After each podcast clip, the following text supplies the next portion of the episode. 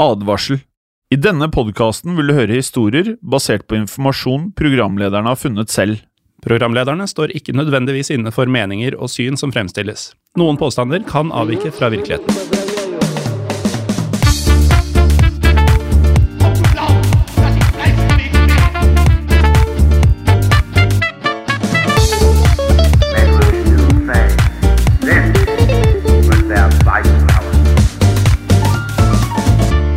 Hei og velkommen til Historie på den andre verdenskrig. Mitt navn er som alltid Jim Fosheim. Og mitt navn er Morten Galaasen.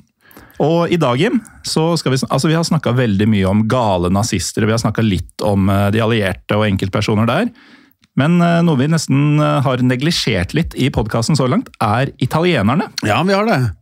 Eh, ikke med vilje, må vi eh, poengtere, Nei. men det har bare blitt sånn. Det er så mye fantastiske temaer å ta. Ja, og italienerne de var jo eh, allierte med Nazi-Tyskland, og det har vært så utrolig mange gale nazister å ta hånd om at eh, man på en måte har måttet vente litt med italienerne. Altså, jeg, Vi har så vidt starta. ja, Ja. så jeg, jeg gleder meg faktisk litt til å ta tak i, i den delen av historien også. Ja, også et annet sted vi har vært eh, ikke, Vi har vært innom, men ikke mye. Det er jo Japan. Mm. Masse vi må innom der også, og i forlengelse av det Kjære lyttere, send oss forslag til eh, episoder, til personer, slag, eh, teknologi som ble utviklet.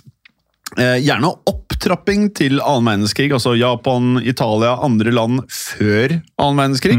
Og gjerne etter annen verdenskrig, og selvfølgelig under annen verdenskrig. Alle tre er bra, og de beste metodene for å sende oss disse forslagene er enten å bruke Historiepodden Norge på Instagram eller Facebook, eller så kan du bli en del av Historie for alle på Facebook, der vi har en poll liggende som jeg ble godkjent for en uke siden, men som jeg nå skal godkjenne etter innspilling. ja, som du ble gjort oppmerksom på da vi spilte inn den andre podkasten i stad. Ja, vanlig historiepodden. Som du forresten kan høre både på iTunes og Spotify, eller der du måtte høre på podkast. Yes. I dag, Morten, du eh, nevnte jo så vidt at vi skulle innom Italia. Eh, og vi skal da prate om en person som mange antageligvis ikke har hørt om før. Mm. Eh, nemlig en mann som var eh, både en av de mest høytstående og samtidig mest latterliggjorte italienske fascistledere på 30- og 40-tallet. Det, er Ja. en- det er en litt sånn rar kombo. Det er en rar kombo. Um, Det er i det hele tatt en litt rar historie. Ja, det er det. Um, Vi skal nemlig snakke om partisekretæren i det italienske fascistpartiet, og han het eh, så mye som Achille Starace. Eh, Dette er da en mann som til og med Benito Mussolini syntes ble for entusiastisk når det gjaldt det å være fascist. Altså, husker du episoden om Rudolf Hess, uh, Jim? Hvor uh, altså Hitler syntes han ble litt mye? Han måtte gjemme seg for Hess, han orket ikke å prate med han. Nei, ikke sant? Så Eh, litt samme greie. Mm. Eh, la oss gå tilbake til eh, tiden da det hele startet, nemlig 18. august 1889. Eh, denne dagen så ble Achille Starace født i den søritalienske byen Sagnacciola, i det som på den tiden var kongeriket Italia. Ja, og Starace var da sønn av en kjøpmann som spesialiserte seg på noe vi forbinder med Italia, tror jeg. Vin og olivenolje. Liker begge deler. Ja, eh, begge deler er ganske nødvendig i mitt kosthold. Jeg har skjønt det. Eh, Og disse forretningene må tydeligvis ha gått såpass bra at det fantes penger til å gi sønnen en god utdannelse. Ja, og Akilles Stirace han eh, tok nemlig utdanning som regnskapsfører på det som het Instituto Tecnico, altså Det tekniske institutt i byen Lecce. Og deretter gikk han som 20-åring inn i den italienske hæren i 1909. Og der viste Starace seg snart frem som en entusiastisk nasjonalist. Ja, for da første verdenskrig brøt ut i 1914, så støtta Starace fullt ut at eh, Italia skulle gå inn i krigen for å ta tilbake det man mente var rettmessig italienske områder fra nabolandet Østerrike-Ungarn. Eh, Starace havna bl.a. ved en anledning i slagsmål på en kafé mot eh, antikrigsdemonstranter som han forsøkte å banke opp. Og vi kan jo nevne det for de av dere som eh, kanskje hører på første episoden av Historiepodden andre verdenskrig, eller første episode av noen av historiepodene våre, så var jo da Østerrike-Ungarn en av de dominerende landene, koalisjonene, i denne perioden i Europa. Ja, kjempemektig, og det begynte å slå litt sprekker i forkant av første verdenskrig, riktignok, men hadde da i tiårene og århundrene før eh, vært en stor maktfaktor i Europa. Ja. Men tilbake til historien vår i dag, Morten. Så var det slik at det muligens hjalp at eh, disse demonstrantene visstnok skal ha vært eh, pasifister? Ja, for eh, man stussa kanskje litt over det at han skulle banke opp en rekke demonstranter. Men Ja. en pasifist er jo ikke Altså, de er jo uttalt ikke-voldelige. Ja. Så da blir det kanskje litt bedre odds for denne ene mot resten. Ja, uh, Uoptimalt for de, selvfølgelig. Men uansett så fikk Starace snart nok å bryne seg på da Italia allierte seg med Frankrike og Storbritannia og gikk inn i første verdenskrig for å kjempe mot Østerrike, Ungarn og Tyskland. Og I løpet av de fire årene denne krigen da varte, så skal Starace ha utmerket seg og mottatt flere medaljer for krigstjenesten sin. Og da første verdenskrig slutta, i 1918, så sto jo Italia igjen som en av eh, seierherrene. Men likevel så fikk ikke Italia gjennomslag for eh, alle de territoriale kravene sine da Versailles-traktaten, som avslutta første verdenskrig, og som vi har hatt en episode om før, ble undertegna i 1919. Ja, og dette skapte stor bitterhet blant italienske nasjonalister og også mange italienske krigsveteraner. Og godt hjulpet av denne skuffelsen så fikk eh, den nye fascistbevegelsen stor medvind tidlig på 20-tallet. Ja, og Fascistene de framstilte jo seg selv som nasjonalister som tok sikte på å gjenopprette Italias stolthet etter skuffelsen rundt Versailles-traktaten. Fascistene mente også at eh, de kunne gi Italia politisk stabilitet og stanse fremveksten av kommunisme i landet, noe som bekymra mange, spesielt i den italienske middelklassen. Og I spissen for fascistbevegelsen så sto mannen som snart skulle bli landets diktator, under tittelen Il Duce, nemlig Benito Mussolini. Ja. Og for alle som da lurer på hvorfor Benito Mussolini blir referert til som ofte Il Duce, har du noen forklaring der, Morten? Ja, så På engelsk så ville det vært eh, duke, eller hertug, eh, men det kommer faktisk fra det latinske ordet dux, som betyr leder. Ah. Eh, Så hvis du ser engelske artikler om Mussolini, så er jo da Il Duce ofte oversatt til the leader, rett og slett. Mm. Litt som fører på, i Tyskland. Så det er mer eller mindre det samme? Ja, omtrent. Skjønner. Uh, Il Duce var på denne tiden eh, avisredaktør, og kunne derfor da nå et nasjonalt publikum med det politiske budskapet som han hadde. Og dette budskapet var som musikk i ørene til vår mann Achille Starace. Og derfor så meldte Starace seg inn i det nylig opprettede fascistpartiet Partito Nazionale Fascista. Altså, de skjuler ingenting i eh, navnet sitt. Nei, på ingen måte. Og her utmerka han seg raskt på lokalnivå og fikk eh, Mussolinis oppmerksomhet. Derfor så ble Starace forfremma og ble fascistpartiets nasjonale visesekretær allerede i 1922. Ja, Som for øvrig var det samme året som fascistene tok makten i Italia, da Mussolini ledet den såkalte marsjen mot Roma, som da var der fascistene samlet seg og også krevde at Mussolini skulle få danne sin regjering. Og dette gikk også den italienske kongen, Vittorio Emanuele 3., med på, og han utnevnte derfor Mussolini til landets nye regjeringssjef. Dermed lå veien åpen for at eh, Achille Starace kunne få enda viktigere roller i det nå fasciststyrte Italia. Og nettopp det fikk Starace i løpet av 1920-tallet, da han mottok flere betydningsfulle verv innad i fascistpartiet. Blant annet så ble han gjort til sjef for eh, partiets egen milits, nemlig Militia Volontaria per la Cruciera Nazionale, bedre kjent som Svartskjortene. Ja, Den der klarte du forbausende bra i, men jeg lurer på om det ene ordet ble litt maltraktert. Jeg får høre din eh, variant, da. Milizia volontaria per la sicurezza nazionale.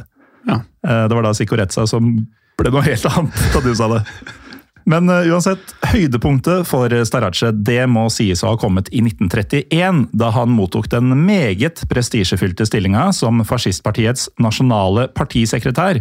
Starace skal da visstnok ha mottatt jobben pga. hans intet mindre enn fanatiske lojalitet til Mussolini. Og Vi har jo også da tidligere snakket om Staraces tyske kollega, altså den tyske nazipartiets partisekretær, nemlig en av de fæleste av dem alle, nemlig Martin Bormann. Nettopp. Og noe vi lærte gjennom eh, det, er at en partisekretær kan ha ganske mye makt. Men som vi skal se, så var Bormann kanskje en del sluere enn Starace når det gjaldt å bruke denne makta.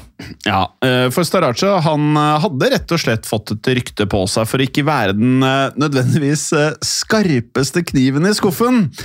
Starace var derfor ikke typen til å stille spørsmål når han ble bedt om å gjøre ting, noe som da passet Mussolini perfekt. Ja, altså Et av fascistenes mest brukte motto var nemlig setninga 'Mussolini har sempre ragione', som betyr 'Mussolini har alltid rett'. Og den innstillinga skal Starace i høyeste grad ha hatt, noe som gjorde at han passet utmerket i rollen som Mussolinis høyre hånd. Ja. Starace han kastet seg så inn i den nye jobben som eh, partisekretær med enorm entusiasme og også flittighet, og der vet vi jo at mange av hans tyske kolleger også hadde. Mye av. Eh, og Det tok heller ikke lang tid før Starace begynte å fremstå som en slags eh, nestkommanderende for Benito Mussolini. Og Starace ble stadig også fotografert sammen med Mussolini, som han alltid sto bare et par skritt unna på forskjellige offisielle arrangementer. Og det var i økende grad Starace som sto for regien på disse arrangementene. Offentlige tilstelninger det ble nemlig en del av Staraces arbeidsoppgaver, da han fikk i hovedoppdrag av Mussolini å fascistifisere Italia.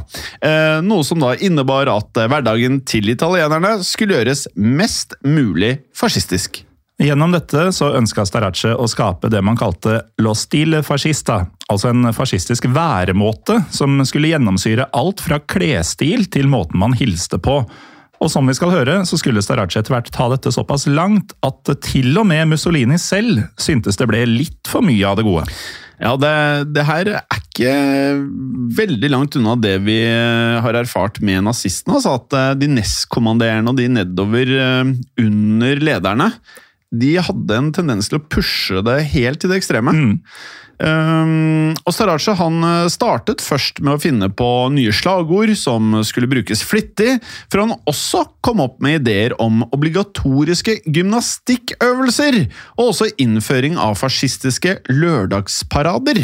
I tillegg til at han da sendte ut en rekke påbud om hvilke små detaljer som skulle brukes på fascistenes uniformer. Selv var Starace meget glad i å gå i uniform, og han ble nærmest aldri sett i sivile klær. Starace ble også opptatt av idretten, som han også fikk ansvaret for å holde styr på. Starace ble nemlig utnevnt til sjef for Italias olympiakomité, og fikk en hovedrolle i å organisere fotball-VM i 1934, da Italia var vertsnasjon. Og dette ble for øvrig en stor suksess, ettersom Italia vant hele turneringen, noe som da også økte fascistregimets eh, prestisje. Dette var i grunn en gjennomgående tone i løpet av første halvdel av 1930-tallet. Og Starace han lyktes nemlig i stor grad i å øke medlemsmassen i fascistpartiet. Men deretter skulle det gå dramatisk nedover, både for Starace og for partiet. Mer om det etter en liten pause.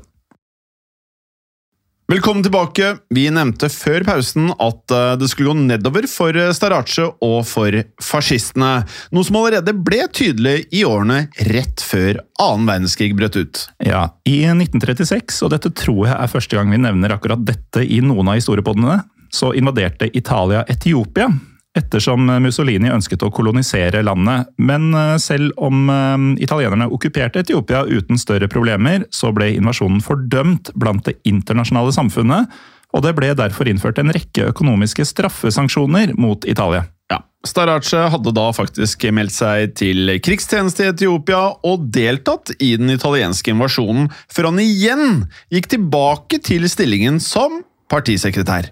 Og på dette tidspunktet begynte Starace å skape en del misnøye blant eh, kollegene sine i fascistledelsen. Dette var blant annet et resultat av hans overdrevne engasjement for fascismen, som resulterte i flere merkelige påfunn. Ja. Starace gjorde f.eks. påbudt at alle italienske flagg skulle lages med et spesielt italiensk tekstil som het lanital. Og dette tekstilet inneholdt da faktisk eh, melkeproteiner fra kumelk, noe som Starace da mente var et eh, produkt av italiensk oppfinnsomhet. Altså, jeg tenker jo aldri over dette, men jeg tar det jo for gitt at ethvert flagg er eh, vegansk. At det ikke er animalske produkter i det, liksom. Kumelk i tekstilene, den er ny. Jeg har heller aldri hørt om noe tekstil uh, I hvert fall ikke av kumelkeproteiner. Nei. Eh, Men det var det da i dette, og den italienske utenriksministeren Dino Grandi skal for øvrig ved en anledning ha dukket opp i London iført en hvit lanital-dress, altså det samme tekstilet. Og denne dressen hadde visstnok krevd 24 liter melk å lage. Ja. Og Starace gjorde også en spesifikk type ullstoff kalt orbace påbudt i uniformer som ble brukt av flere fascistledere. Og dette ullstoffet var ekstremt eh, kløete. Eh, noe som kan tenkes å ha bidratt til at Starace ble mer og mer upopulær blant kollegaene sine.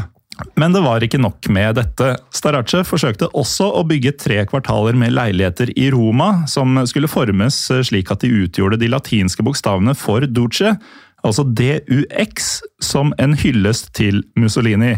Dette var en idé som ikke fikk gjennomslag, og Starace gjorde det for øvrig også påbudt at Mussolinis tittel Duce alltid skulle skrives med store bokstaver. Og som nevnt tidligere, Morten, så var det sånn at selveste Mussolini syntes jo da tidvis at eh, Starace tok det litt vel langt. Eh, Spesielt her, for eh, Starace foreslo at man i all brevkorrespondanse burde erstatte uttrykket 'med vennlig hilsen' med 'Viva il duce'. Altså leve il Duce. Eh, Ja, eh, og til dette så kommenterte Mussolini følgende. Hvor tåpelig ville ikke et eh, kondolansebrev være dersom det sto 'Harry er død, viva il duce'? Og dermed så ble det en effektiv stopper for det påfunnet. Og selv om Starace var Italias kanskje største Mussolini-fan, så hadde da diktatoren selv likevel begrensa med beundring for eh, partisekretæren sin, altså eh, Starace. Mussolini skal annet ha sagt følgende om eh, Starace. En idiot? Ja. Men en hardtarbeidende idiot. Ja. Og dette litt eh, tåpelige bildet av Starace hadde også begynt å spre seg gjennom Italia i løpet av 30-tallet. Og igjen så var dette et resultat av Staraces merkelige forsøk på da fascistifisere Italia. Starace hadde annet forsøkt å fjerne engelske låneord fra det italienske språket. Ordet bar skulle f.eks. byttes ut med en italiensk variant, noe som ikke ble en eh, suksess. Starace mente også at det var ulogisk at året skulle slutte 31. desember og ikke 28. oktober, som var datoen for fascistenes maktovertagelse i 1922. Dermed så ble nyttår faktisk avskaffa som offentlig høytidsdag, noe som ikke ble satt pris på av eh, italienere flest. Ja. Og må kunne si at dette er absurde påfunn. Det må gå an å si. Ja, og mye av dette er ting som vi også har vært gjennom nok en gang blant uh, tyskerne i samme periode. Mm. Og nettopp pga. disse påfunnene så begynte det etter hvert å gå forskjellige vitser på Staraces bekostning eh, blant folk, og det ble f.eks. ofte skrevet rim med graffiti på husvegger, der man da spøkte og latterliggjorde Starace. Og det gikk snart fra vondt til verre for eh, Starace, for um, andre verdenskrig den brøt jo som kjent ut 1.9.1939, da Nazi-Tyskland angrep Polen, og Storbritannia og Frankrike erklærte krig mot Tyskland. Ja, og da det ble klart at Tyskland var i ferd med å innta Frankrike, altså i 1940, virket det jo som om Hitler var i ferd med å vinne verdenskrigen, og derfor så kastet Mussolini og fascistene seg med i krigen, på nettopp tysk side, noe som skulle bli begynnelsen på slutten for det italienske fascistregimet. Og for Starace så ble krigsårene en fullstendig skuffelse fra A til Å. Um, Starace mista nemlig allerede i oktober 1939 jobben som partisekretær, altså en måned inn i krigen og før Italia hadde blitt med inn. Og pga. sanksjonene mot Italia etter angrepet på Etiopia, så hadde økonomien deres blitt hardt rammet. Og med det hadde da fascistregimet mistet noe av sin tidligere popularitet. Og da Mussolini begynte å motta rapporter om at folket syntes at Starasje var både latterlig og rett og slett ble sett på som dum, så skjønte Duce at han hadde funnet en eh, perfekt syndebukk.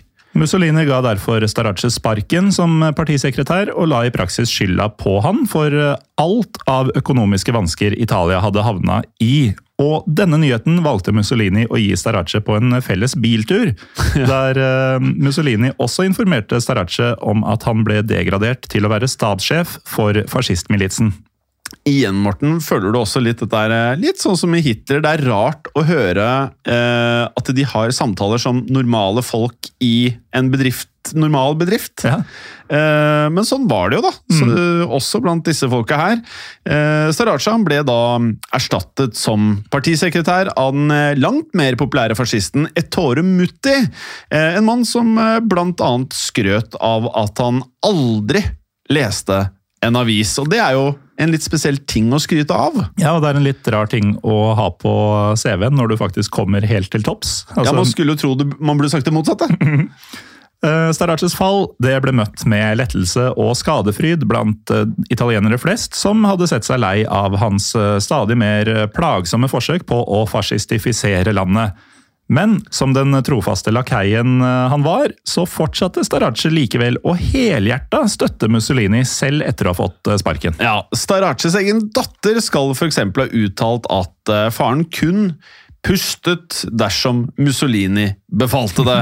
Så lojaliteten var med andre ord helt på topp, mm. men det gikk tydeligvis ikke begge veier. Nei, for i mai 1941 så fikk Starace også sparken fra stillinga i fascistmilitsen, uten at Mussolini ga noen videre begrunnelse. Den eh, svenske forfatteren Gøran Hegg, som har skrevet en biografi om Mussolini, gir en mulig forklaring. Hegg skriver nemlig at eh, det virker som om trakasseringen av Starace frydet Mussolini stort. Ja, eh, og Sånne type ting gir jo litt innsikt i hvordan disse menneskene faktisk var. Eh, det er, er det lov å si at det er sånn barnslig, altså det går igjen mye sånne barnslige trekk hos disse menneskene? Ja, øh, både hos tyskerne og det vi nå har lært av italienerne. Øh, Og det er jo to relativt like ideologier som øh, de to landene forfekta på denne tida. Ja. Så det er rett og slett ikke noen ålreite folk på toppen der. Nei, det er ikke det. Og um, takket være nettopp denne behandlingen da, så ble det også vanskelig for Starace å finne seg en ny jobb, ettersom få arbeidsgivere var villige til å ansette noen som tydeligvis hadde havnet i unåde hos Il Duce. Av den grunn så tilbrakte Starace de neste årene med å dyrke neper i villahagen sin, samtidig som han øh, tigget mat av motvillige slektninger. Men det å gi Starace sparken var kanskje likevel faktisk en dårlig idé fra Mussolinis øh, side. Muligens for eh, krigslykken gikk jo etter hvert eh, meget dårlig for både Italia og Tyskland, og da kunne jo den alltid lojale Starace ha vært en god hjelper for å da takle utfordringene som nå kom på løpende bånd for Benito Mussolini. Ja, og Italia skulle jo da bli eh, invadert av de allierte i 1943. Da ble Mussolini også avsatt av de andre fascistlederne og den italienske kongen. Italia forsøkte så å bytte side til de allierte, noe som gjorde at Nazi-Tyskland okkuperte store deler av Nord-Italia. Så det er jo helt kaos her. Mm.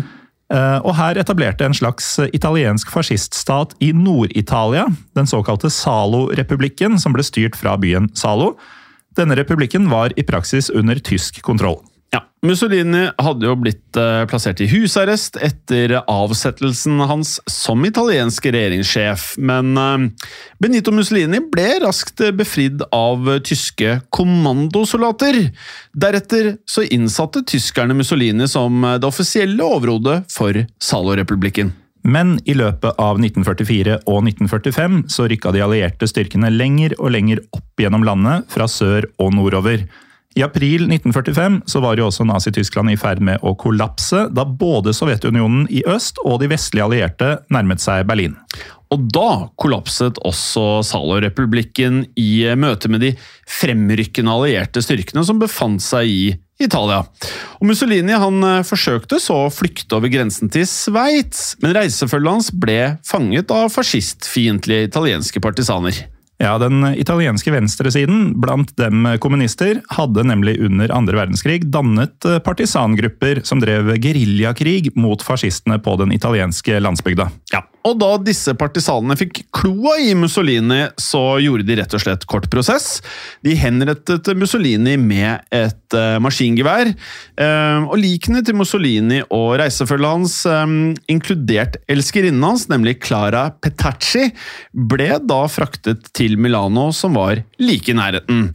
Og her ble de hengt opp ned fra taket på en lokal bensinstasjon til offentlig skue. Og her kommer igjen Akile Starace inn i bildet på en måte som kanskje utgjør en av de mest spektakulære tilfellene av uflaks gjennom historien. For den nå lutfattige arbeidsledige Starace befant seg faktisk også i Milano denne dagen, og dette er 29. april 1945. Starace hadde nemlig bosatt seg i Milano, og på denne dagen hadde den da 55 år gamle Starace som vanlig kledd på seg treningsdressen sin og gått ut på en av sine daglige løpeturer. Men uheldigvis for Starace så støtta han så på, altså på denne løpeturen så støtta han på en gruppe partisaner som eh, la merke til og kjente igjen Starace da han kom joggende ned gata. De arresterte derfor Starace og frakta han til en lokal skole, hvor Starace fikk en rask rettssak og ble dømt til døden for sin deltakelse i fascistregimet. Nøyaktig hva Starace ble funnet skyldig i, var likevel uklart. Neste dag ble han derfor, fortsatt iklødd eh, treningstøyet, kjørt i en åpen lastebil til bensinstasjonen der liket til Mussolini fortsatt hang. Der gjorde Starace fascisthilsen foran Mussolinis lik og ropte ut Viva il Duce, før han ble skutt og hengt opp ned ved siden av sin tidligere sjef. Um, noen dager senere så ble Starace så gravlagt på kirkegården Cimitero Maggiore di Milano, der han ligger den dag i dag. For en lojalitet! Og for en historie. Altså Tenk at vi ikke har vært innom italienerne sine enkeltpersoner, for det må være et rikt galleri. Ja, dette er bare starten. Mm. Eh, Jeg hadde aldri hørt om Achille Staracci før vi begynte med denne episoden. Altså, Jeg øh, visste forsvinnende lite om den italienske delen av krigen. Altså, Det er Mussolini, og det har egentlig vært det. Mm. Nei, det, det, det, det, blir en fascinerende reise, og jeg tror vi har mye spennende i vente. Jeg tror mye av det kommer til å ha paralleller til Tyskland. Mm. Det virker i hvert fall veldig sånn uh, ut fra dagens episode. Eh, en ting jeg ønsker dere lyttere, hvis noen vet om uh, denne storyen Det kan være det er en konspirasjon, myte, at det ikke stemmer. Men uh, jeg har hørt noen andre podkaster fra USA hvor uh, noen da hevder at i og med at Adolf Hitler tok en del preparater, om man kan kalle det det, at eh, på et eller annet tidspunkt i løpet av krigen var sånn at Mussolini ønsket å ta en prat med Adolf Hitler.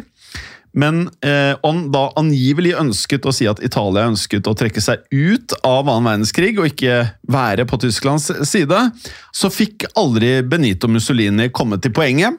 Om andre ord så forble Italia med i krigen, på Tysklands side. Hvis det er noen som har noen linker, har hørt om denne historien, kanskje har skrevet noen bøker, ikke vet jeg, del det veldig gjerne med oss på Facebook eller Instagram. Ja, Historie på den Norge.